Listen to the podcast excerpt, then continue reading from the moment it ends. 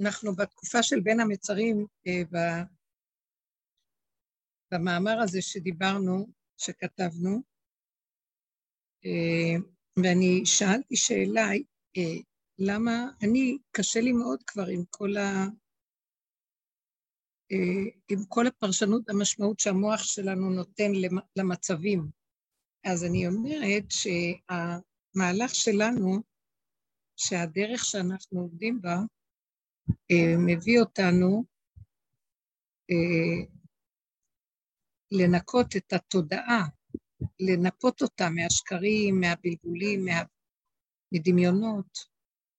זה מאוד קשה, זו עבודה שבסופו של דבר מחזירים אותנו לעולם, וכאן בעולם אנחנו צריכים להיות בלי תודעת עולם, אבל בעולם. כמו ילדים קטנים שהם, העולם שלהם שונה מהעולם של המבוגרים.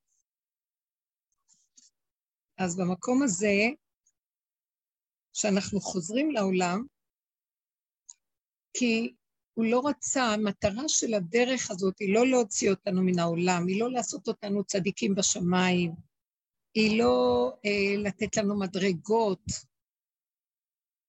הוא רוצה כלים שדרכם הוא יכול להתגלות עלינו. השכינה ששוכנת בארץ, זה אנרגיה שהיא קיימת פה, אבל אנחנו לא חיים איתה, כאילו אנחנו חיים איתה. אה, היא זאת שתגאל אותנו, היא ראשית הגאולה, ואנחנו מחפשים גאולה מהשמיים, אותות ומופתים ממשה רבנו.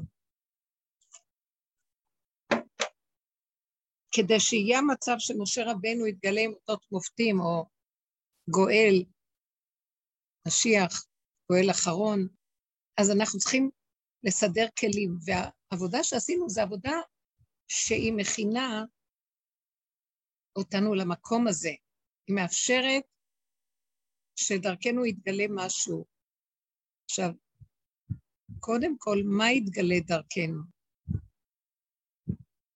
אה, קודם כל, שנהיה כלים פשוטים שלא מתנהגים כדרך העולם, לא חושבים ולא מתהלכים כדרך העולם, בתודעה של עולם עץ הדת.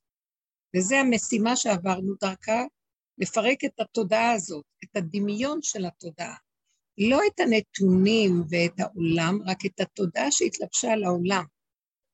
את הדמיונות השכליים, ריבוי המחשבות והמשמעויות והפרשנויות והסיפורים שהמוח מספר לנו, וגם הרגשות, כל הבלבול של המידות, שאנחנו חיים ברגשות שלנו הרבה, בהתפעלויות מהחיים.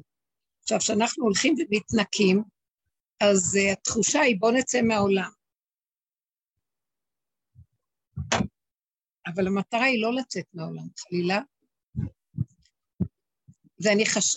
חשבתי על זה הרבה, כי אני מרגישה את הריק את המוח שלי הולך וכאילו מתנדף לי. זה לא שהמוח מתנדף לי, מתנדף לי המערכת הרגשית, הסיפוקים, הדמיונות, המחשבות, אה, הרצונות לדעת, הסקרנות של הרבה דברים שהייתה לי, ויותר טוב כך, מדוע? כי אז אני נשארת כלי ריק, כמו איזה גולם ריק, שדרכו יכול להתגלות לקום, קודם כל יקום מתוכנו איזה כוח פנימי חדש, שאנחנו מתחילים להרגיש אותו. אמנם, עדיין האור והחושך משמשים בערבוביה, והעולם עדיין משפיע עלינו.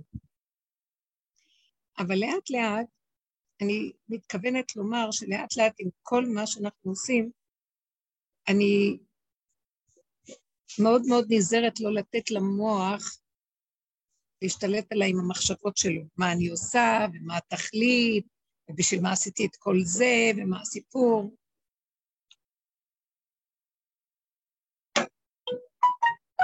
ומחשבת החיים פה, ומה עם הקשרים, והמשפחתיות, וכן הלאה, כל מיני שאלות.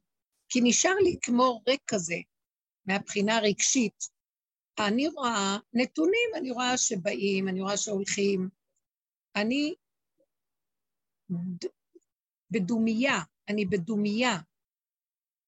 הרגע שלי לא כמו קודם, והתגובות שלי לא כמו קודם. הגירוי תגובה שותק, פחות ופחות. מה כן? עכשיו, שבאים מועדים או חגים או אירועים או כל דבר שהם מקובלים בעולם, אני רואה את ההבדל.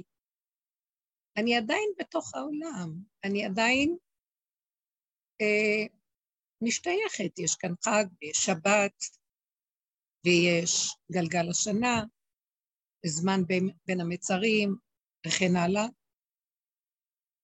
תשעת הימים. אז מה יהיה כאן השונה? אני כאילו מרגישה שאני, אין לי הרגש לדבר. ההרגשים נופלים. אוקיי, אני אחזור ואני אומר, שבסך הכל מה שאני רואה, השינוי שקורה הוא שאני, אה, עדיין האירועים והמאורעות ממשיכים, הכל כרגיל, אין לי הרגשים, כמו שמצב של ליבי חלל בקרבי, אין לי התפעלות, זה לא אכפת לי במרכאות, כמו שהיה לי קודם, בכל דבר הייתה לי דעה והרגשה, והיה לי שייכות רגשית לדבר.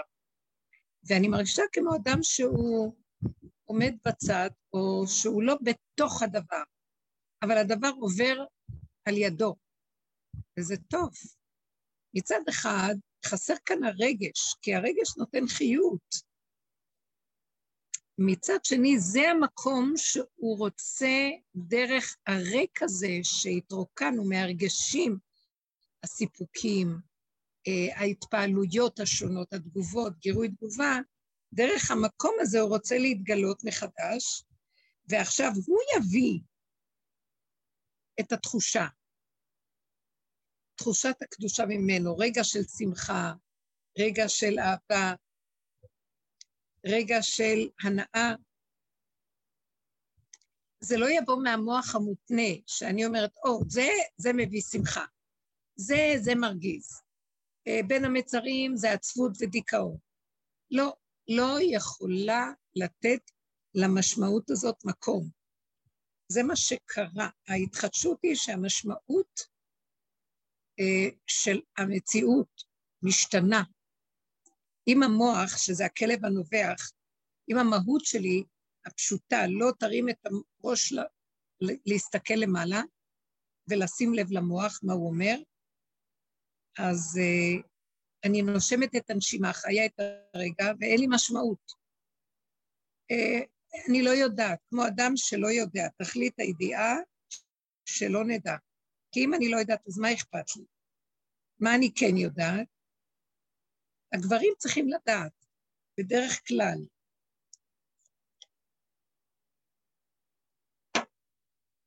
למשל, אני יודעת ידיעות שאני זוכרת אותן, מה צריך לעשות בתשעת הימים, מה נוהגים וכן הלאה, אבל זה כמו שאדם לא מתרגש, הידיעה שלו, הוא פועל, אבל היא לא מעסיקה אותו.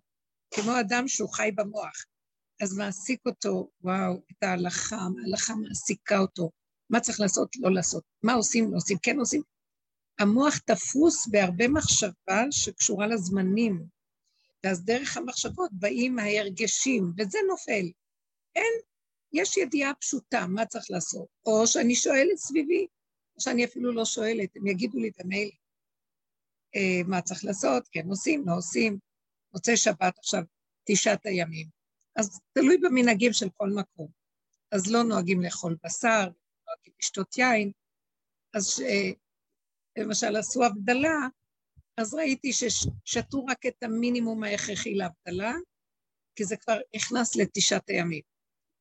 ו, וזהו, אז ראיתי שיש הלכה פשוטה, הכל פשוט, מקיימים מה שצריך.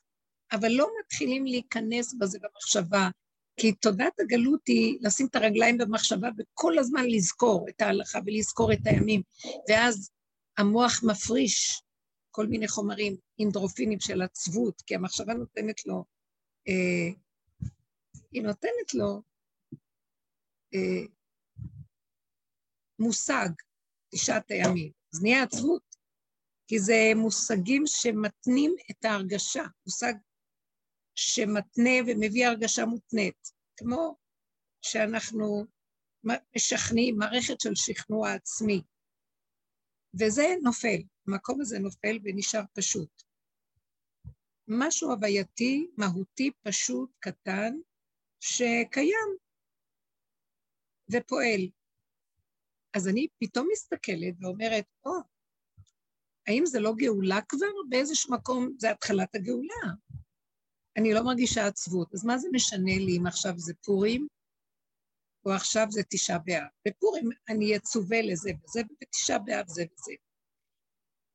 זה נכון שיש במועדים השונים במעגל השנה השפעה גם של uh, מאוויר העולם, אני שמה לב, שיש uh, תקופות שמשפיע משהו על המוח, uh, אווירה כזאת, כבדה, או מחשבות, או בפורים אולי יהיה פתאום איזה נקודת שמחה, אבל זה לא, שמתי לב שזה הרבה תלוי בנו, איך שאנחנו מפרשים את הדבר. ואם המוח שלי סגור ואני לא מפרשת, זה לא משנה כלום. לא משנה. לא משנה. זה כאילו יגיעו ימים אשר אין בהם חפץ. אין חפץ של עולם. ואז ממילא המערכת האלוקית תכניס את החפץ שלה. היא תתחיל להכניס מה שצריך, אם צריך. ואז היום אני מבדילה, אני רואה. מה אני מבדילה? שהמוח שלי בשבת חשב, הוא התחיל אה, להיכנס לנרגנות, יללה קטנה. למה ככה, כן, ככה, לזה, התכלית. הוא נגנב, כל הזמן נגנב למעלה. ואז ראיתי שהסכנה היא מאוד גדולה. ואז אמרתי, לא, שייך כלום. אין שום דבר. יש רגע, יש נשימה, ולא לשאול שאלות, ולא לקבוע קביעות, ולא לחשוב מחשבות, ולזרום עם המציאות של הרגע, וחזרתי לאיתני, כי היה לי איזה רגע של כבדות. ואז אמרתי לעצמי, ברגע של הכבדות, אה, זה הימים האלה. נכון שעכשיו שבת, אבל יש עדיין איזו השפעה על הימים. ופתאום ראיתי שכשאני סוגרת את המחשבה חזק, ולא מוכנה לשמוע על המקום הזה, התמלאתי בשמחה פשוטה, שהכל בסדר. ופתאום ראיתי, המצב הנוכחי איכשהו בסדר, אוכלים, סעודה שלישית, אה, ילדים, נחמד היה, מאוד נחמד, זה פשוט, הכל היה פשוט. ואז ראיתי שאנחנו נותנים למוח את המקום הזה לפרש, אז זה מעציב. אה, או ביקורת, אנחנו מסתכלים אחד על השני, והמוח נותן לנו מה, ככה זה צריך להיות? זה לא צריך להיות ככה, למה הם עושים ככה? אולי שיעשו כך וכך. ואז זה מעציב, ואז יש מילים, ואז דיבורים. ופתאום ראיתי, לא צריך להיכנס במוח לאף מקום, זה המוח שמביא כל כך הרבה כאבים, כל כך הרבה צובע לנו את החיים ואת ההרגשים, ועצבות וכאבים, וכל המידות מתלבשות בדעתנות של המוח. והיה לרגע כל כך פשוט, חזרתי ואמרתי, לא, לא, לא, לא, אין שום דבר, יש רק רגע אחד. לא לתת שום משמעות לשום דבר. ואז קיבלתי גל כזה של מתיקות פשוטה שככה וזה. אם אנחנו נכנסים בכיוון הזה, אז עכשיו זה תקופת בין המצרים. פתאום מה שקורה הוא שאני מזהה, כמו שכתב בעלון, שבין המצרים, אה, כמו שחכמים נתנו לנו תמיד על כל דבר, הרבה, דבר, הרבה אפשרויות. בגמרא יש הפוך בה והפוך בה דכולי בה, גם בתורה. יש דבר זה והיפוכו, ודבר זה והיפוכו. ואז פתאום ראיתי שהמילה בין, למה זה נקרא בין המיצרים? וכן למה אומרים לנו חז"ל, שזה גם, כמו שכתבתי, בירמיה כתוב, קרא עליי מועד במגילת איכה, שזה נחשב תשעה באב נחשב לזמן של מועד, וגם הימים האלה כתבו שעתידים להיות ימים של שמחה. תחושה, בחינה של uh, מועד. Uh, אז מתי זה יהיה לעתיד לבוא הזה? ואז ראיתי שכשאני לא במוח של תודעת העולם, וזה מה שהעבודה עוזרת לנו לפרק אותו, ולהישאר בגולמיות של העכשיו, של הרגע, איך שזה ככה, ולא להתעקש, לא לתת למוח לרחף אותי במחשבות שלו, אלא לרדת למהות הפשוטה וההשתלבות וההתמזגות עם מה שקורה, איך שזה ככה. בנתונים הפשוטים הטבעיים, אז אני פתאום יכולה לראות שבאותו זמן שיכולים לפרש אותו שלילי וכאוב, יש בו גם את המקום שאפשר למצוא בו נקודת יציאה, פתח מילוט מהמחשבה, פרשנות של הימים האלה שהם ימים של אה, כבדות וקושי, וזה במילה בין, בין המיצרים. כי בין זה בין שתי קצוות של משהו. אז אה, כמו שאמרנו בפשט של הדבר, זה בין י"ז בתמוז ובין תשעה באב, שבו קרו דברים קשים בעבר. במערכת של עם ישראל, בנקודה של אה, האירועים שהיו באומה, שקראו לאומה. כמו שכתבנו באלון, לא אחזור על זה, י"ז בתלמוד, שנשתפרו הלוחות, ושנשרפה התורה על ידי הקוסטופוס הרשע, אה, יווני שהיה בארץ, וכן שגזרו גזרות, ובוטל התמיד, וכן הלאה כמה וכמה דברים. וכן בתשעה באב שנשרפו שתי בתי אה, המקדשות, ושמה שקרה עם חטא המרגלים, וכן לא חשוב. אז אפשר להגיד, יש כאן מאורעות שבין המאורעות של י"ז בתמוז לתשעה באב, יש רצף של מאורעות קשים. אז זה המילה בין המיצרים, שאנחנו נמצאים במיצרים, בין תאריך זה לתאריך זה. ובכל אופן יש משהו יותר גדול, כי המילה בין היא מראה על משהו של אמצע, של איזה קו שבין שני הפכים. אה, אם, אם אני קולט במוח החדש שהוא תקשיבו, זה מוח שהוא קולט את הניואנסים הדקים שהמוח של הטבע לא נותן לנו לראות. פתאום אנחנו רואים, פה יש איזה פתח מילוט, פה יכול להיות פתח מילוט, איך לצאת מהרצף של הסיפור הזה, של העצבות.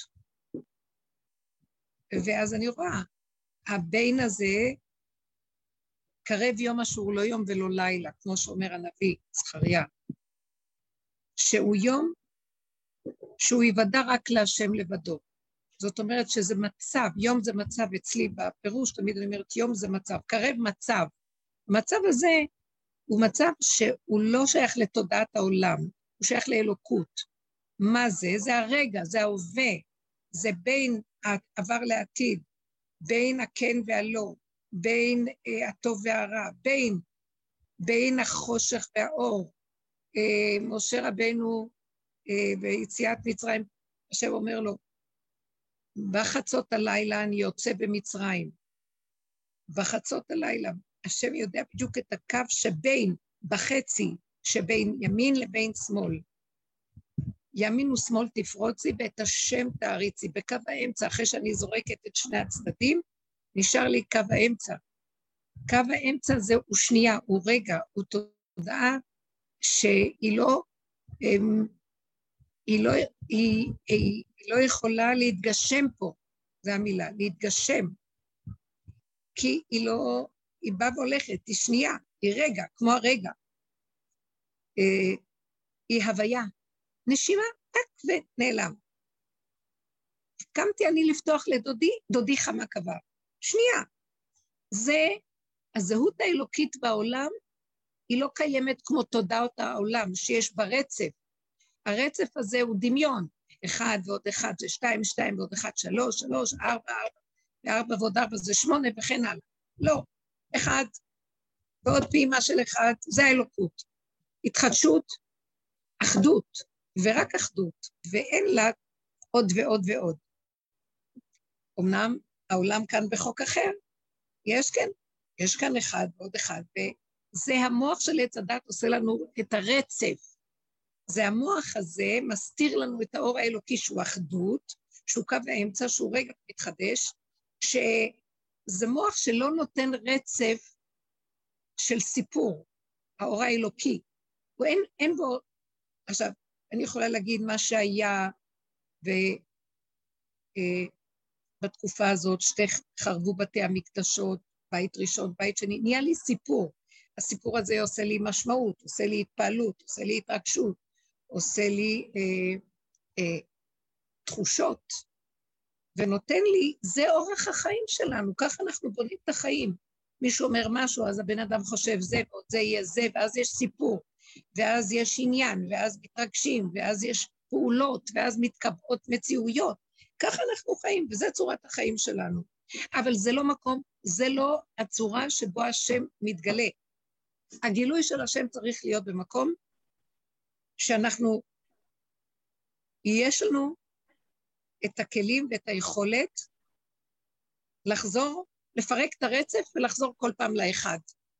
שם נמצאת האלוקות, וזה המיומנות שהדרך, מי שעובד בה והולך איתה ומתמסר אליה בכל מאותו, כי אין לו ברירה, אז מביאה אותו למקום הזה, שאין אין רצף. המשמעות של הזמן מתבטלת, לכאלה שמתמסרים לה. זה צריך להיות בני אדם שגם אין להם את כל המערכות של העולם, כמו שלנו יש. אבל אנחנו גם בתוך העולם צריכים לדעת, כי אנחנו כנשים, יש לנו את יכולת ההתעגלות, גם להיות בעבודה הנהדרת הזאת, שהיא גאולה פנימית בנפש, והיא מפרקת לנו את כל הסיפור במרכאות של העולם, המעגלים של מעגלים של מעגלים שמספרים לנו סיפורים, והיא מביאה אותנו להתחדשות של כל רגע. הלבנה היא מתחדשת, יש את זה אצל יסוד האישה. חוץ מזה, בעולם החיצוני יש את המערכת של ההתיישנות, אחד ועוד אחד, שנהיה שתיים, שנהיה שלוש, שמזדקן לנו, ונהיה לנו ציור, ונהיה לנו עבר ועתיד, ונהיה לנו מציאות. אז אנחנו כנשים יכולות להתהלך בין שני ההפכים האלה ולא להתבלבל. ישנו פסוק בשיר השירים, שפרק ז', שובי שובי השולמית, שובי שובי נחזה בך. מה תחזו בשולמית כמחולת המחניים? ותמיד שאלתי את השאלה הזאת, מה זה מחולת המחניים? אז המפרשים אומרים ששולמית זה כנסת ישראל, והיא יש לה, היא מחוללת בין המחנה, מחנה שכינה, מחנה לוויה, מחנה ישראל, בין המחנות. ואילו אני פתאום, הדרך הביאה אותי, שקראתי, כששאלתי את השאלה מה זה, זה לא כל הפרשנות של אה, הכתובים ושל התורה, הדרך שלנו נותנת לנו יכולת להבין אותם פתאום מזווית אחרת, שלא הייתה קודם, זה יפה. ואז אנחנו, זה מה שאנחנו עושים באלון, מביאים את הדרך עם הסימוכים של התורה ומכניסים לתוך התורה את הפרשנות הזאת, משמעות חדשה. אז אה, נכון, בכלל לא היינו צריכים גם את זה, אבל זה כאילו, אנחנו עושים את המעבר, מגלים את תורת משיח בתוך התורה של עת הדת. אז בא לי המחשבה שהכנסת ישראל, השולמית הזאת, שזה כנסת ישראל, היא מחוללת בין המחלות, המחנות. היא יכולה להסתדר עם מצב זה וגם עם מצב זה. אבל איך? זה מאוד קשה. כי אם אנחנו בעולם של זמן, אה, צריך להוציא את הילדים בזמן, צריך לעשות דברים בזמן, יש זמן, ויש להכניס שבת בזמן וכל הדברים האלה. מצד שני, בעבודת הנפש אנחנו מפרקים את כל המערכת של העולם, של הסיפור, אחד ועוד אחד שווה, אז נהיה שעה, נהיה רגע, נהיה זמן, נהיה זה. אנחנו בנפש מפרקים, ונהיה משופרע בפנים, ושמח. בכל אופן, אנחנו במערכות שכן, יש משמעות לזמן. ויש משמעות אה, לתהליכים ורצף וסיפורים. אז איך אנחנו מסתדרים בין השניים?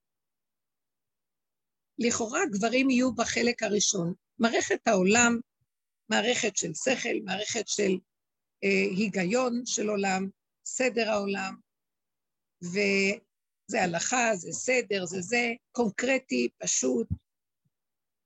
ואנחנו כנשים שיש לנו את היסוד הפנימי, נלקחנו מהיסוד הפנימי.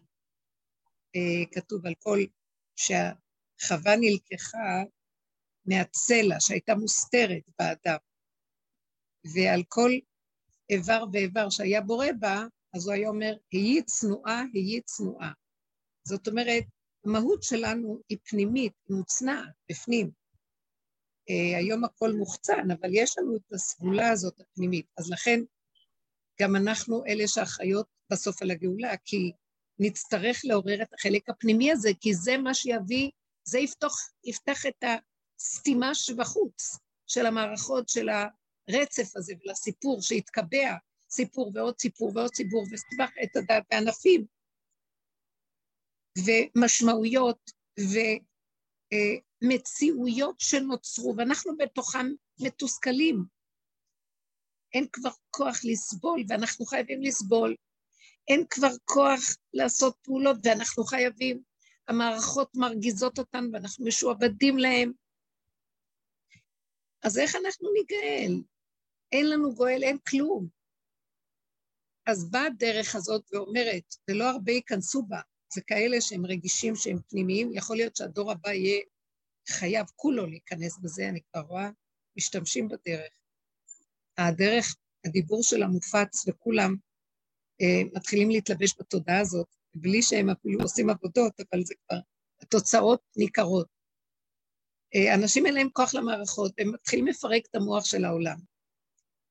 אז אנשים, יש להם את הכוח, אה, אלה שנכנסות בעבודה, וגם, אה, יש גם גברים, הכוונה הנוקבה, כוח הנוקבה, לא הזכר, מפסיק את הרצף הזה ואנחנו עובדים על המקום של הפירוק, כל עבודה שלנו היא רק מפרקת, מפרקת, מפרקת, וחוזרת לגזע, ונהיית בגולם, ונהיית, כמו שאמרתי לכם בתחילה, חסרת משמעות. אין לי משמעות להרבה דברים. גם ההתרגשות שלי נהיית מאוד קטנה, הריגושים, הסיפוקים, אין לי כמעט שום הרגשים. הכל מאוד פשוט, זה קשה, זה מין תחושת שיממון. ובכל אופן, אנחנו גם בעולם. אז איך מסתדרים בין ההפכים האלה? וזה כוח שיש לנו, שאנחנו יכולות להיות בעולם ולא להתבלבל מצד הדרך שיש לנו בפנים, בתוך הנפש. כלומר, הדרך הזאת מאפשרת לנו שכן אנחנו נעמוד בסדרים, צריך להדליק נרות. יש איזה זמן שמדליקים, או האמת שאני ראיתי שפירקתי הרבה מהמוח החרדתי, שהוא אה, רוצה את הדיוק של מה שכתוב, כאשר הסיבה לא מאפשרת לו. ואז אנחנו משקללים עם הסיבה ואומרים למוח, תשתוק, שתוק נא מעליי, אל תלחיץ אותי. אה, אני הייתי מדליקה נרות, סמוך מאוד לשקיעה, ואז היו מסתכלים עליי, מוזר, פעם הדלקתי נרות 45 דקות בנהג ירושלים, אה, לפני השקיעה, ופה אני סמוך. וזה לא שרציתי, המציאות של הסיבות הביאה אותי למצב הזה. ואז הייתי מנסה, כן, הסתכלו עליי כאילו מוזר, למה את מדליקה כל כך מאוחר? אני לא רוצה להדליק, אבל ראיתי שהמערכות של הסיבות הכריחו אותי, ואז הייתי אומרת להם, כאילו, ישנה הלכה, כמו שהגברים יכולים לעשות מלאכה עד השקיעה, כמה דקות קודם, נכון שצריך להפריש את הזמן ולהיכנס לשבת קודם, מה שנקרא להקדים, לקדש את החול לתוך המציאות של ה... אה, את החול, לקדש אותו ולהביא אותו כבר לשבת יותר מוקדם. מבחינת תואמי החיים זכו, אנחנו תואמים את השבת קודם, זה יפה, זה גם המנהג לטעום מאכלי שבת לפני שבת. אז אנחנו תואמים קצת את השבת עוד לפני שהיא נכנסת, שזה השקיעה. אה, יש גם ויכוחים שונים בחכמים, באיזה דרגה השקיעה בין הארבעים הדמדומים וכן הלאה, אני לא אה, נכנסת בזה, אבל יש לו זמן שהוא לא נקרא, אם אני עוברת אותו זה מסוכן, אבל עד אז הוא עוד נקרא נחשב. ואז אני ראיתי שהסיבה הביאה אותי להיות מאוד קרוב לקו המקסימלי שאני יכולה, מה שלא היה מקובל. ואז ראיתי שאני פעם הייתי מתרגשת מזה, נבהלת מזה, מבקרת את עצמי, כועסת על עצמי, לוקחת על עצמי להדליק בזמן ולהיות בזמן והכל בזמן. אז ראיתי אחר כך שהמערכת של הדרך הביאה אותי להתאמן, לפרק, הסיבות הביאו אותי להתאמן, לפרק את החרדה, את האחיזה במוח שאומר לי, לא, לא, רק ככה ורק ככה, וכמו שכתוב, ובדיוק בספר, הוא לא נתן לי. כי הוא רצה לאמן אותי להיכנס למדרגת הנפש הזאת הפנימית, שמשוחררת מהפרשנות המשמעות של עץ הדעת על ההלכה. שיש הרבה תוספות וסייגים והרבה משמרת למשמרת וכן כן הלאה. ואמרתי, אני גם רוצה, למה לא? זה יפה. אבל הוא אומר לי, לא, לא, אתכם אני רוצה להוריד מהדעת הרגילה ולהביא אתכם למקום של אה, פירוק, כדי שתהיו כלים נקיים. אבל יש הלכה ואני מפחדת לפספס אותה, אל תדאגו, אני בסיבה נמצא שם ואני מחזיק אתכם. ואני יודע מתי לתת לכם. אני עוזר, אני איתכם, אני יודע. אז עכשיו אני רואה שבצד הפנימי שלי אה, נשארתי רגועה, או בוא נגיד הפוך, בצד החיצוני כן לא עברתי את ההלכה, כי כן הדלקתי סמוך לשקיעה, הדלקתי, לא אחרי. מצד שני, בתוך הנפש קיבלתי מקום חדש, אה, מקום של רגיעות ושלווה, וגם היו מסתכלים עליי מוזר, ואז אמרתי לעצמי, אל תתני לאף אחד שום ממשות, שיחשבו שאת... אה, הייתי צריכה להמציא להם התחלה סיפורים. אני, אה, המחנה המאסף, יש הרבה אנשים שעוד לא הדליקו, ואני עכשיו עוזרת, אני לא מדליקה עד שכלל ישראל ידליקו בסוף, כל אלה הפושטים וכל אה, אלה שהם אה, חוטאים ופושעים והולכים ככה, אז אני מלמדת עליהם זכות ואני יחד איתם. כל מיני סיפורים. בסופו של דבר, ראיתי שהמצב הזה של הדרך בלפרק את החרדתיות, או שהמוח עסוק בערך וגם נותן הרגשים, ואז יש לחץ, ואז יש מתח, ואז מערכת חיים מאוד לחוצה סביב התורה, ההלכה, וכן בכלל, כל דבר, גם בחיים הרגילים. אה, צריך ללכת בזמן לעבודה וצריך אה, לשלוח את הילדים בזמן והכול. המערכת הזאת, היא לא מאפשרת לנו להיגאל, כי היא תופסת אותנו, היא מערכת עץ הדת שמטרתה אה, לשעבד אותנו, לשבות אותנו בתוך המערכות, שלא נרים רגע ראש ונגיד, לא, לא, לא, בוא ניכנס פנימה. לא, כי אם אני לא אעבוד, לא יהיה לי כסף, אני חייב, אה, יסלקו אותי מעבודה. לא יסלקו. לאט לאט אנחנו מרפים, הדרך מביאה אותנו למקום שאנחנו כבר לא נותנים כזאת חשיבות למערכות האלה, ואנחנו רואים שאנחנו כן מתקיימים. אותו דבר להבדיל בנושא ההלכתי והמועדות וכל זה. אני לא כמו שהייתי קודם, בלחץ של פסח, בלחץ של פורים, בלחץ של כל הסערה הזאת של הקיום וכל הכאבים וה... והמתח כדי להיות... אני כן מקיימת, וכל הלחץ וכל המערכות שלו מתחילות להתפוגג. הילדים כן קמים והולכים, אבל זה לא כמו שהיה קודם עם הסערה, עם הכאבים. זה קורה כאן משהו מדהים. זה מה שאני רוצה לומר, שהדרך מביאה אותנו למקום הזה שה... בתוך הנפש מתחילה להיות גאולה. מהי הגאולה? אני לא נותנת משמעות אה, אה, רגשית לספר, לסיפור, אה, למה שאני נדרשת לעשות, אלא מה שאני צריכה לעשות, ואני לא מפקירה, ואני לא אה, הולכת כאילו, אני לא הולכת לעבוד, אני לא אקים את הילדים בבוקר, אני לא אקיים את ההלכה, לא, אנחנו מקיימים, אבל אנחנו מקיימים ברמה אחרת. מקיימים בקטן, בפשוט. איפה שבאמת הסיבה מאפשרת לי, והנפש רכה, היא לא אחוזה בצד הרגשי של המשמעות של עץ הדת, שהיא מסעירה ומטרפת את האדם. אה, ואנחנו רואים פתאום מתוך המקום הזה שיש מי שמנהיג פה, ויש מי שיפרנס, ושהילדים ילכו, ואפילו אם זה קצת לא היה כמו שהמערכות רוצות, זה לא יהיה. ואפילו אם אה, לא הדלקתי בדיוק ב-45 דקות, ראיתי אורות בתוך השבת. היה לי כזה מתיקות, כאילו עוטפים אותי באהבה ואני לא נדחיתי מהקדושה והשם אוהב אותי. אז ראיתי שבסך הכל אני לא במצב. החרדה שמא אני אאבד את המעמד, את המדרגה, את השם, את העולם הבא שלי, וכן כל הדבר הזה הולך לאיבוד. זה בעולם של המצוות של התורה. להבדיל אלפי הבדלות בעולם, שאני לא אאבד את העבודה, שאני לא אאבד את החברה, שאני לא אאבד את האנשים שלנו. גם, גם בתוך המערכות היהודיות, של לאבד את הקשר עם המשפחה וכל המסורתיות היפה שיש במשפחתיות וכל זה.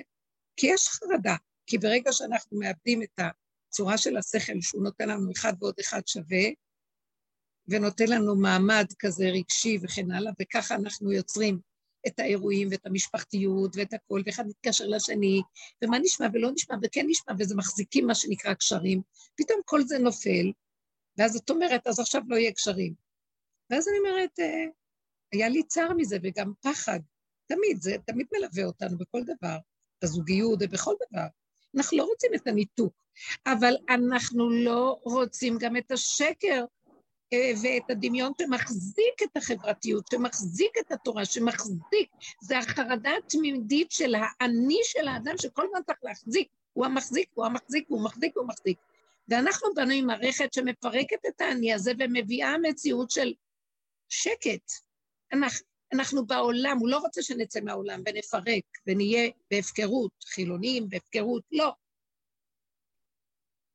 אני גם לא יודעת מה זה המילה הזאת. הוא לא רוצה שנפרק. לא בא להגיד על אף אחד כלום, חס וחלילה, יש לי ערך לכל דבר במקום.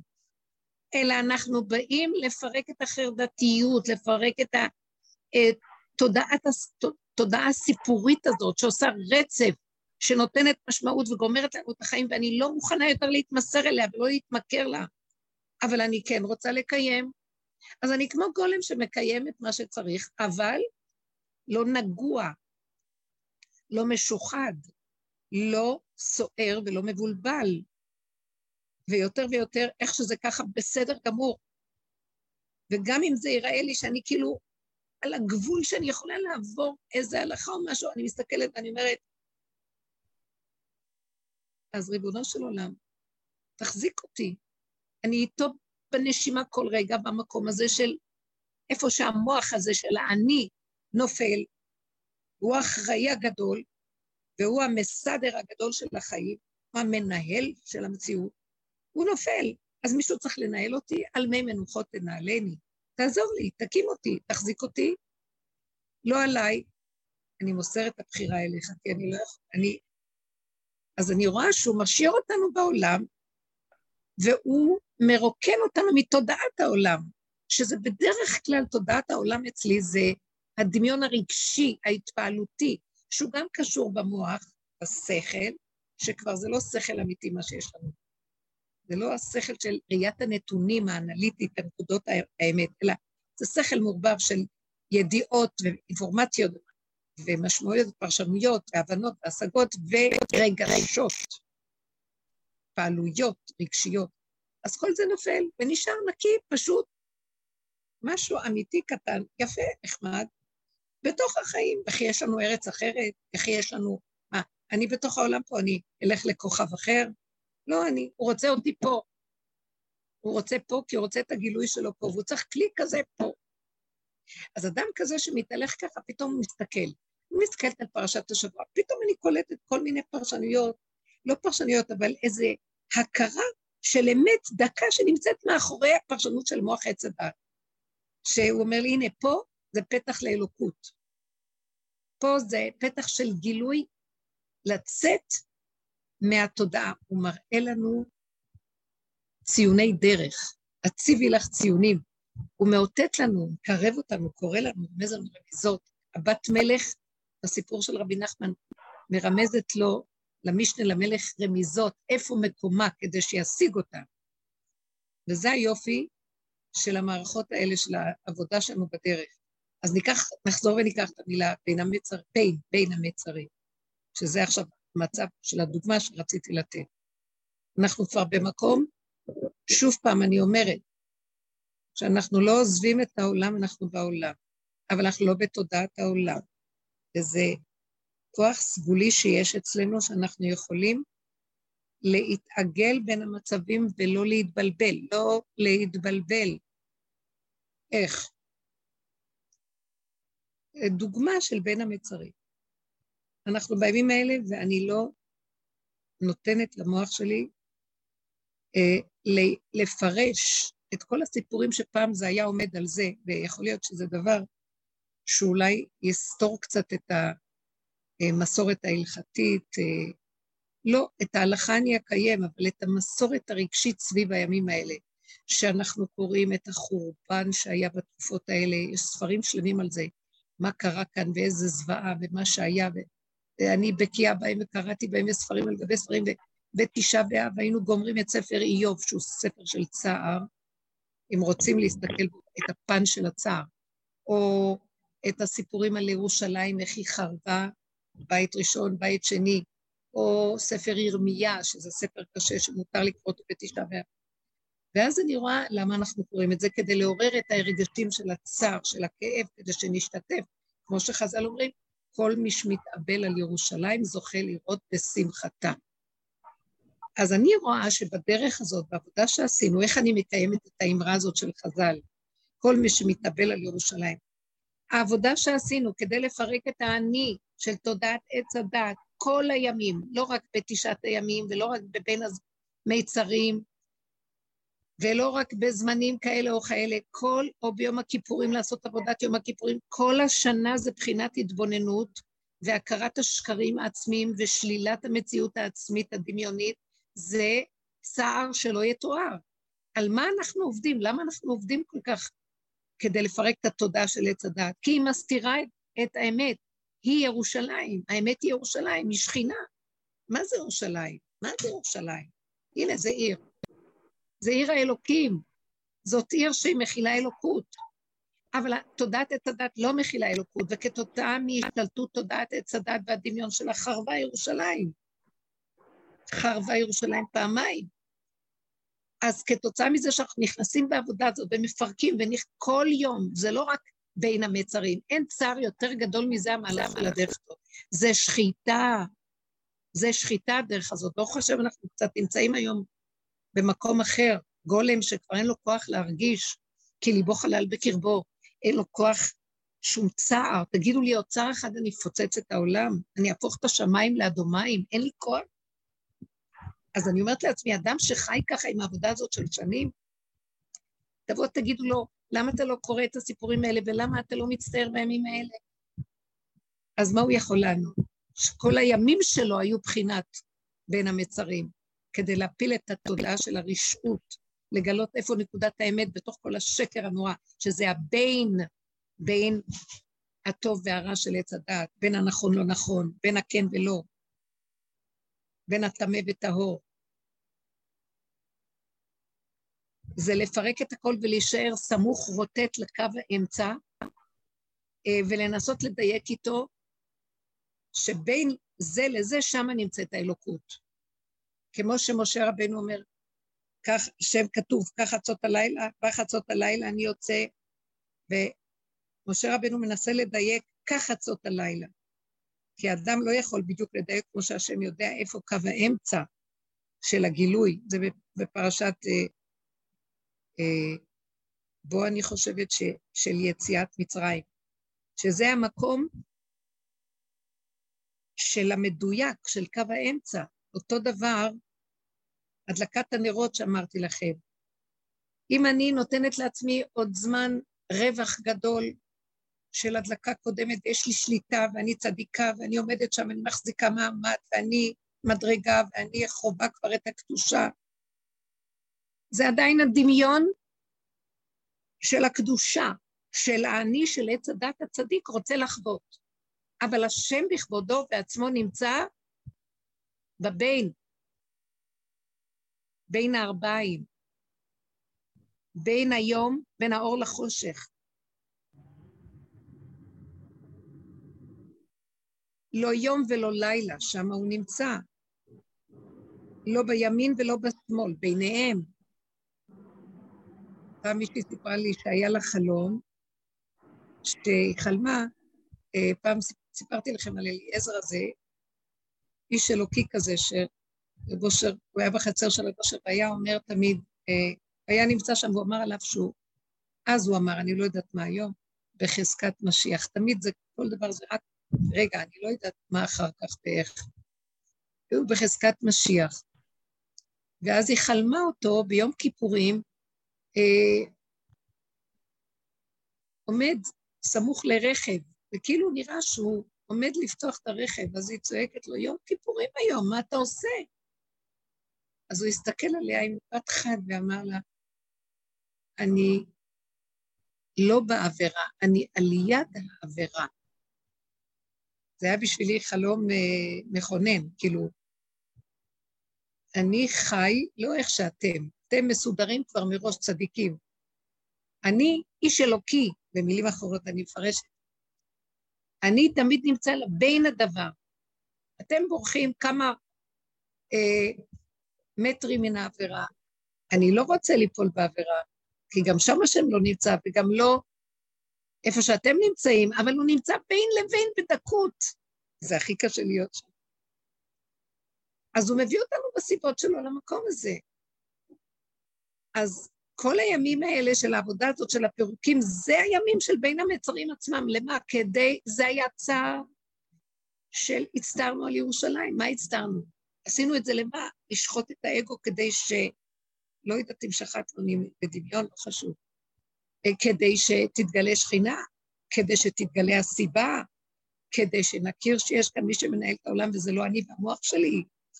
והסיבה, והשכינה לא רוצה לפרק את התורה, לא היא התורה, השכינה היא התורה, זאת התורה. אבל התורה, באמת, הלוחות הראשונים, בבשר, בנקיות, בכאן, בדיוק, ששם זה גילוי אלוקי. בתוך התורה יש גילוי אלוקי, זה לא תורת דעת, כמו שקראנו היום בהפטרה, הפטרה של ירמיה. הוא אומר, תופסי התורה לא ידעו אותי, הרועים לא הכירו אותי, הנביאים לא ידעו, תופסי התורה לא ידעו אותי. מה זאת אומרת תופסי התורה לא ידעו? לומדים תורה, וכולם יודעים תורה, אבל הם לא יודעים את השם. לא ידעו אותי, נביא מדבר בשם השם. לך תגיד להם שהם לא יודעים אותי, הם לומדים תורה. והם ספרייה מהלכת, וכולם צדיקים של תורה. אבל הם לא יודעים אותי. מה זה יודעים אותי? אם אנחנו מתעקשים על הדרך הזאת ונכנסים בגזע של העץ גולם ומפחדים מהכלב, כמו שהגענו להכרה הזאת, שרגע נפתח את המוח, אנחנו ישר יוצאים לעולם והעולם משתלט עלינו, אז יהיה לנו ספריות של תורה ודעת והבנה והלכות ונקיים והכול, ואפילו נהיה צדיקים, אבל לא נדע אותו. מה זה נדע? מבחינת חוויה חושית של אלוקות, והאדם ידע את חווה כמו ידיעה של חיבור, התאחדות עם הדבר בצורה ש... זו חוויה שלא צריך להסביר אותה בשכל, היא חוויה כמו זיווג, שהוא לא שייך לשכל, חיבור של ייחוד ואחדות. זה המקום ששם מתגלה כוח האלוקי, אני עם המקום הזה איתו. אז כשהמוח של עץ הדת נמצא ויש לו סדר, השתלשלות, זמן, והוא יושב טוב על הגובה ובטוח, מסודר, זה לא זה. אז איך? איך נסדר את הסתירה בין ההלכה והתורה לבין המוסר הנכון, לבין המציאות של גילוי השם, כי העולם פה מסתיר את זה. הוא מספר לנו סיפור של תורה ושל הלכה. מה פירוש? אלא אנחנו צריכים להישאר עם התורה וההלכה, אבל אנחנו צריכים למול את הלב הערל של עת הדעת, שיודע בדעת של האינפורמציה, של השכל, אפילו דעת גבוהה, יש דעת של רוח הקודש גם כן, אבל את הדעת התחתונה, את החיבור בבשר עד החושים הכי בהמיים של האדם. את זה לא יודעים. אז זה מה שהוא אמר. ותופסי התורה לא ידעו אותי בחינת חוויה שאני איתם, אני מדבר מהפה שלהם. הם יודעים אותי, הם צדיקים וחכמים, והם לומדים, אבל המוח גונב, והם יכולים אפילו להיות בעלי דעת עליון, להבדיל אלפי אלפי אלפי אלפי הבדלות, אני רוצה, כמו בלעם שידע דעת עליון. חלילה, יש לי ערך מאוד גדול לחכמים, אבל אני מפרקת כדי להבין כאן נקודה. המוח של הזכר הגבוה שלומד ויודע וזה, זה לא כמו מה שאנחנו מדברים. לכן הכוח של מה שאנחנו עושים בעבודה זה כדי להביא אותנו למקום, לעורר את הגאולה מלמטה, לפרק את ההרגשים וההתפעלויות החיצוניות שהתלבשו על הדעת ומסתירים לנו את כוח השכינה שנמצא איתנו, השוכן בתוך תומותינו במעיים שלנו. ואת זה הנביא יודע. מאיפה הנביא היה מדבר? הנביא לא היה מדבר מהשכל העליון. הוא היה מבטל את כל חושיו וזכליו של הטבע, השכל וההרגשים של הטבע, דמיון החושים, והיה יורד למקום של ממש בשר, כמו שכתוב על אברהם אבינו בברית בין הבתרים, שהוא אה, נכנס למצב של נבואה, ואז כתוב, והנה אימה וחשיכה, הנה חשיכה ואימה גדולה נופלת עליו. נעלם לו השכל, אין לו אחיזה, זה מפחיד. זה המקום של הגילוי האלוקי והכל נשמע משם, והם היו מתאמנים, הנביאים, על המקום הזה. אבל הם גם עבדו על מידותיהם, זה נביאי אמת, הם חיפשו את נקודות האמת. אנחנו אומרים, קוראים להם נביאי אמת, כי היו גם נביאי שקר. מתקשרים למיניהם. נביאי אמת זה שהם יורדים בדקויות הכי עמוקות וקולטים כל רגע את השקר שיכול להיות, והם אומרים, לא, אני לא אתחנף, אני לא, בת, אני לא אלך עם הכלב. אז אנחנו נזהרים להיכנס ליסוד של הכבש, של הבטל, פנימה פנימה, בלי להרים, לתת את האפשרות שיגנוב אותנו הכוח של למעלה, של העולם. וזה המקום, הוא עבודה מאוד דקה. כל מי שעובר דרך המהלך הזה, הוא עובר קושי של סבל, שזה אה, כמו יום כיפורים מתמשך כל יום, שרב אושר היה אומר כל יום, שאלו אותו איך צריך להתנהג ביום, ביום כיפור, אמר כמו כל יום. ובין המצרים, כל מי שהולך בדרך הזאת זה כל יום ככה, הוא במיצר, אוי לי מיצרי, אוי לי מיוצרי, וכל הזמן מחפש איפה הנקודה שבשנייה אחת אני משקרת לעצמי, בשנייה אחת אני מתחנפת, אני מרצה, בשנייה אני כועסת ושונאת, בשנייה אני מתנקמת, בשנייה אני מסלפת את הכל ברגע אחד. זה כל כך מסוכן, כי אנחנו בתוך עולם. ולאט לאט המשכנו מהעץ בכל הסבך שלו, של הענפים, לתוך הגזע, ואנחנו יושבים שם בצמצום, ומתחילים להבין שהעולם הוא סכנה, אבל אנחנו לא יכולים לעזוב אותו, הוא מגיע עד אלינו, אבל עכשיו אנחנו נזהרים להיות בעולם ולא לתת את ההרגשים וההתפעלויות של העולם.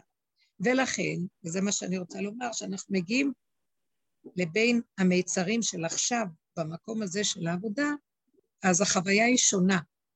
והתחושה שלי היא שאני לא מסוגלת לפתוח את המוח רגע אחד, רק כל רגע, כאשר הוא מגיע, זה הרגע. איך שזה ככה. אה, ולכן, גם המשמעות של הצו, אני לא מוכנה לתפוס, שתתפוס לי מקום. כי אין כזה דבר, הסיפור הזה מתחיל להיפסק לי. אין לי כוח. אני מתחברת יותר בקו האמצע ואומרת לו, אבא לי, אתה חייב להתגלות. אין לנו כוח יותר להתרחבות של הצער והמשמעות והפרשנות של המציאות ומה היה בירושלים וכל זה, ולהפעיל את כל האנדרופינים שלי על הצער שהיה. אני רוצה לגאול אותך מהצער שאנחנו, השכינה היא בתוך, אנחנו, אנחנו כובלים אותה בתוך הצער שלנו. היא רוצה כבר להיגאל. היא לא רוצה שנבכה יותר. היא לא רוצה את ה... כי היא יחד איתנו בכאב שלנו ובצער שלנו, והיא צועקת, אני רוצה להתגלות. היא רוצה להוציא את הראש. היא רוצה להיוולד לתוך המציאות החדשה, שיראו את גדולתה ואת מלכותה. והמשמעות של המוח והפרשנות בכל הסערה הזאת כבר לא יכולה להיות. זה, זה משחק, זה סיפור שכבר הוא, אין לו כבר, אנשים כבר אין להם כוח להצטער. אנחנו עוד מקיימים, אבל מי שעובר את המהלך של כל הדרך הזאת, הסוף של זה זה שאנחנו מקימים את השכינה, והשכינה אומרת, טוב, אנחנו בגבול.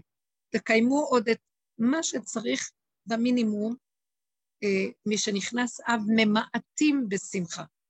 זאת אומרת, אל תתהוללו, אבל גם ככה הדרך הזאת מביאה אותנו שהשמחה שלנו כבר לא שמחת הוללות, וכבר לא הסיפוקים והריגושים, כל הבילויים והשטויות. אנחנו כל כך קטנים, התמקדנו בהנאה הפשוטה כמו ילד קטן שנהנה מהחיים ורק מודה כל רגע על ההנאה הקטנה. אז במקום הזה, סכנה להתהולל היא לא. אז אנחנו בגדר הזה מקיימים גם את הבין המצרים של הפעם. כי האלוקות כבר מתחילה להתעורר בבין, זה לא כבר הסיפור של הרצף של מוח תודעת עץ הדעת שהוא נופל. אה, אלה המאורעות שהיו, ומי זה ועד זה, איזה מאורעות קשים. אין לי כוח להכיל את זה, אני לא זוכרת את זה, לא רוצה לדעת את זה. לא יכולה, אין לזה משמעות. אני בקו של השם תתגלה, אבא תתגלה. שכינה קדושה, קומי, קומי אורי כבאורך וכבוד השם עלייך נגלה.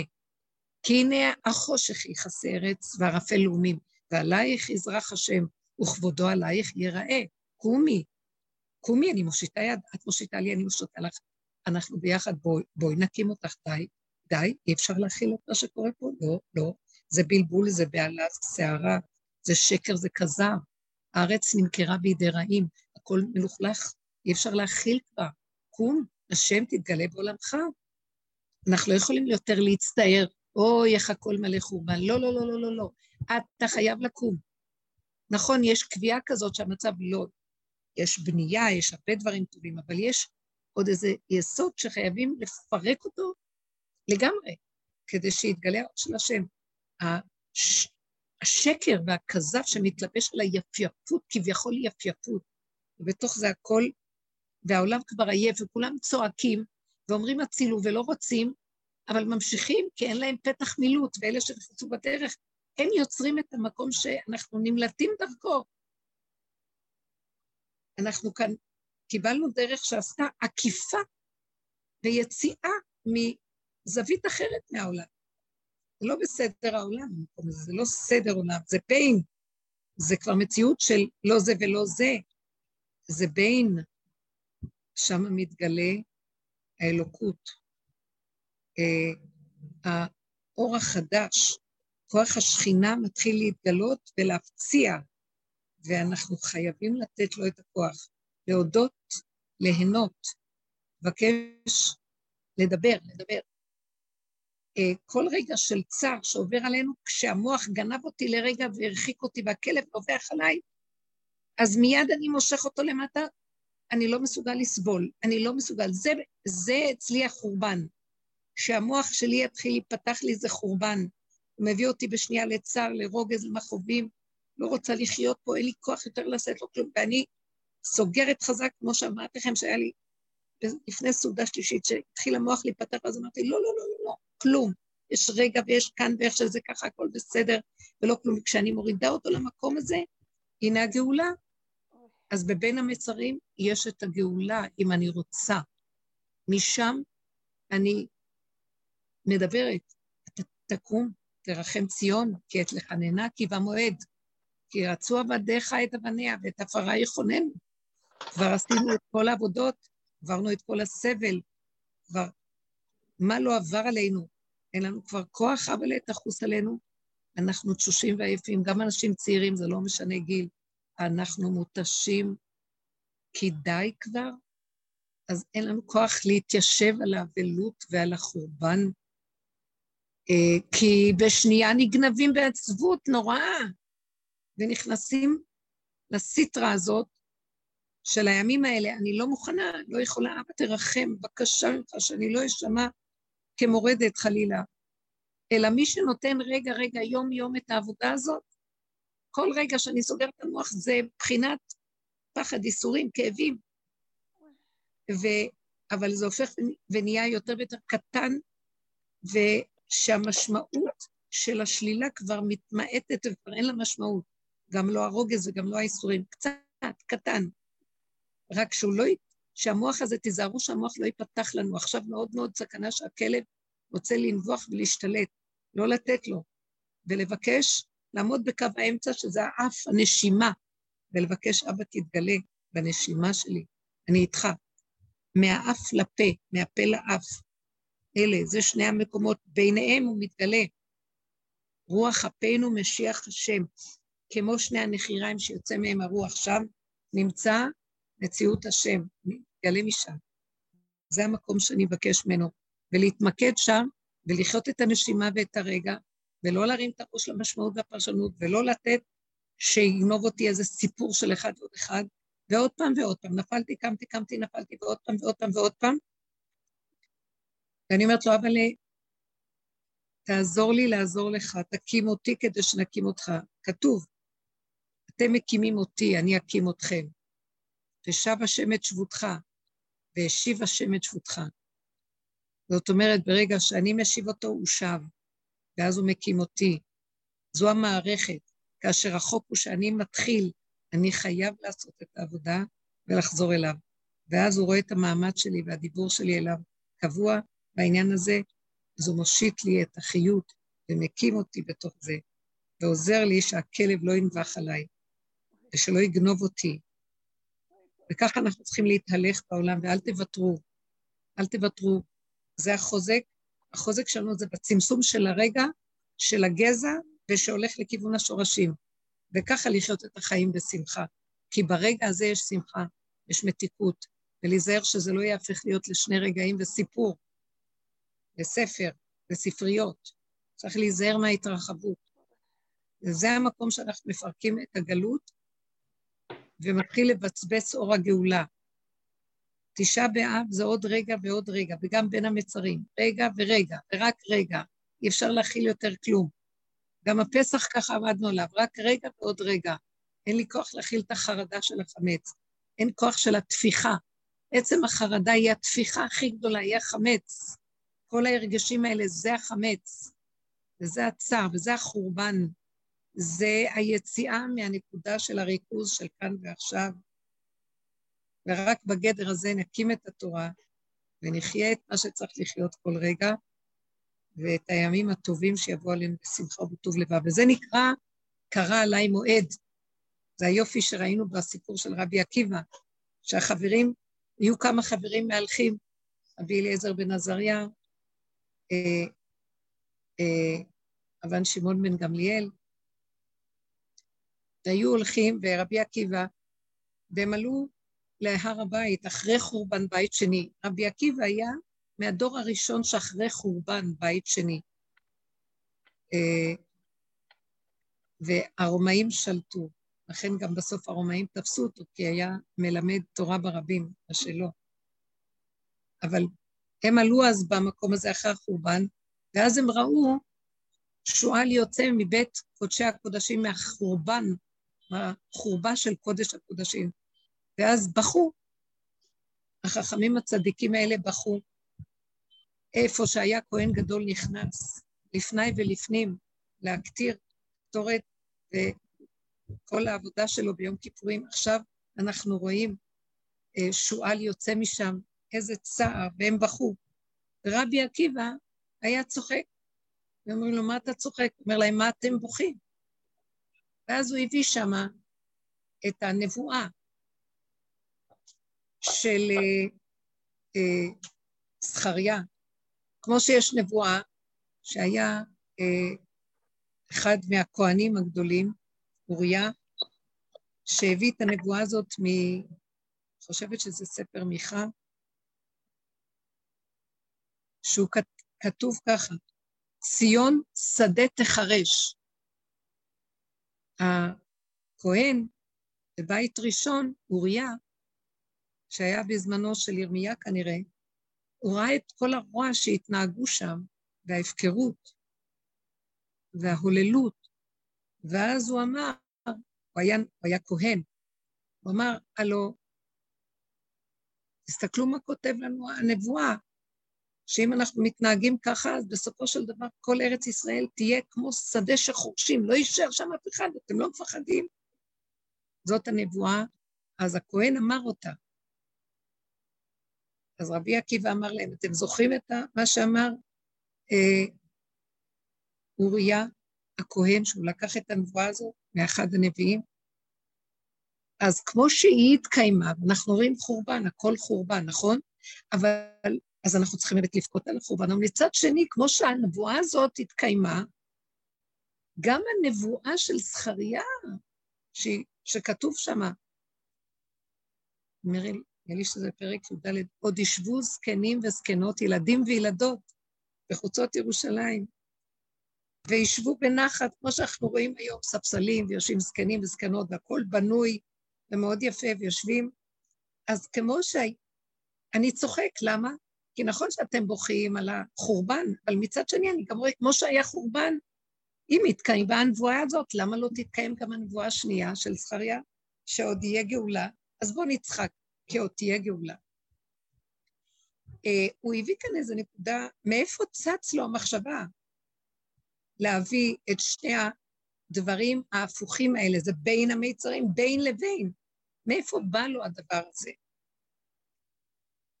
מזה שהוא חיפש תמיד את נקודת האלוקות, הוא, את האמת עד הסוף.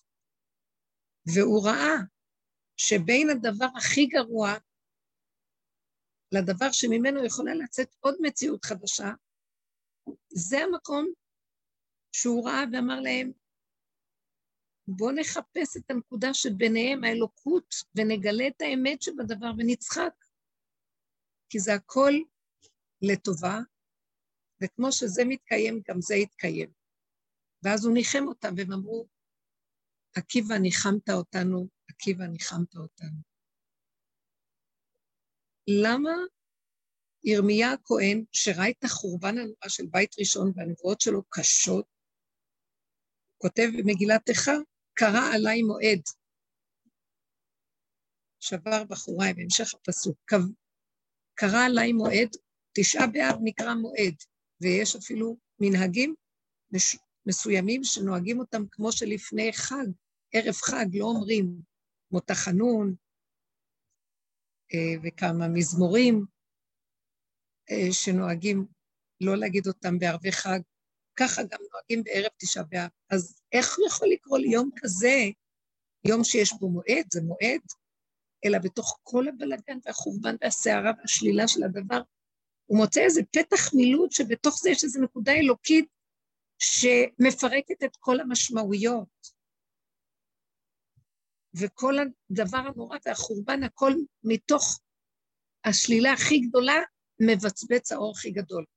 מהחושך הכי גדול, כמו שהשחר מפציע מהחושך הגדול, אה, נהיה אור הכי גדול, והחמה, לנצח חמה, מתגלה. כמו שאמר דוד המלך, אבן מעשו הבונים הייתה לראש פינה. מהדבר שכל אחד אומר, מה זה?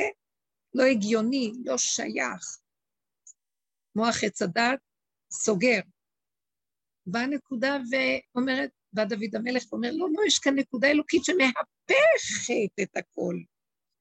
מהמצב הכי גרוע, דווקא נקודה אחת קטנה מדליקה אור גדול והכל מתפרק. אנחנו בעבודת גילוי הנקודה הדקה. נקודה הדקה היא הרגע, היא נקודת האמת, היא כאן ועכשיו. היא באיך שזה כך, היא בסגירת המוח לפרשנות, למשמעות, אה, לרצף של המאורעות ולתת להם איזה משמעות, סיפור. אין שום רצף ואין כלום, יש רגע. איפה שאנחנו נכנסות למצוקות, נכנסים למצוקות, כאבים, זה מיד לסגור ולהגיד, לא, כי המוח מספר לי סיפור, ואז יש לי כאבים. ממה באה המצוקה והכאב? מהמשמעות שאני נותן. לא מוכן את ההרגש של הצער, לא מוכן את המצוקה, לא מוכן. כשאני שם נותן את הנקודה וסוגר, וחוזר לנשימה, אני גם מאוד מאוד ממליצה, ולעצמי אני עושה את זה, שאני סוגרת את הנשימה, אני גם פותחת את הפה. אני יורדת עוד יותר למטה. השורש הוא בפה, הוא המלכות, הוא השכינה. האף עוד יש לו כאן איזה אסנס, הוא מהות, הוא מריח. הפה, הוא כבר מוציא לפועל. אני יורדת לשורש ואני אומרת, תעזור לי, שאני לא אפתח את המוח, תרחם עליי. אני לא יודעת אפילו למי אני מתפללת, אני אגיד לכם את האמת, פעם היו לי הרבה דמיונות שאני חושבת שאני יודעת. כוונות ועולמות וייחודים וכל מיני דברים, וכל התחושה של האדם שיש לו כזה שאר רוח שהוא מרחף בעולמות.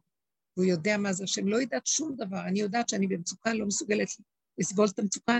אני יודעת שהפה הוא, אה, הפה, ברור לי, הוא כוח מאוד גדול, הוא כוח המעשי אה, היותר אמיתי, מה שהידיים והרגליים. כי עד שהפה יודע, יוצא לידיים ולרגליים, לוקח זמן הפה והאף קרובים, והדיבור פועל פעולה. אחר כך הידיים עושות, אבל זה סמוך. אז אני נושמת ומעבירה את המצוקה או את הפחד או את ה... אה, אני צריכה עזרה, כי אני בשנייה כאן בעולם נגנבת, כי המציאות כאן גומרת עליי, ומחשבה תיפתח לי. ואני יודעת שכאן זה כל כך קשה, ואנחנו שבויים בתוך המציאות פה. זה לא כל כך קל שאני מדברת, וזה נראה כאילו אנחנו באיזה דרגה של אמת ועבודה. כל רגע מחדש אנחנו בסכנה של נפילה, וזה לא פשוט לנו פה. אז הדיבור הזה עוזר לי, אבא תעזור לי. אתה רואה את המאמץ שלי, תמשוך את החיות שלך אליי, תעטוף אותי, מושכני אחריך נרוצה, כל אחד והפסוקים שיצאו לו. אני גם מרגישה שהוא מביא לי את הדיבור בעצמו, הוא מחזר אחריי שאני אדבר. הוא שולח את הסיבות, והוא נותן לי לחיות את הסכנה, והוא סוגר לי לזכור, לזכור את הנשימה, והוא גם זה שאומר לי, דברי, הוא גם זה שמדבר, וגם זה שפועל בסוף, הכל זה הוא, מתוך מציאות האדם. כי אין לנו שום דבר מעצמנו והכל שלו. כי משלך ומידיך נתנו לך. אנחנו כאילו נותנים לך את מה ששלך באמת. ואני ואתה במקום הזה זה דבר אחד וזה הכל אתה.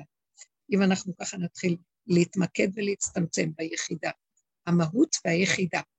המהות זה עוד הבהמה שבנו, האסנס הפשוט, מהותי, אה, צמצום, שנוריד אותו למטה יותר, בהכנעה ובדיבור ובבקשה, ולא לתת למוח. וואי, הסכנה היא כל כך גבוהה פה, העולם טרוף.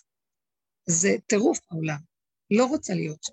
ואם אנחנו במקום הזה, הדיבור הזה עושה פעולה וישועה, וזה מחזיר את הכל לשורש, וזה הפה, זה המלכות, זה השכינה. זה התקומה של השכינה, ואין כוחנו אלא בפה, ככה אמרו חז"ל.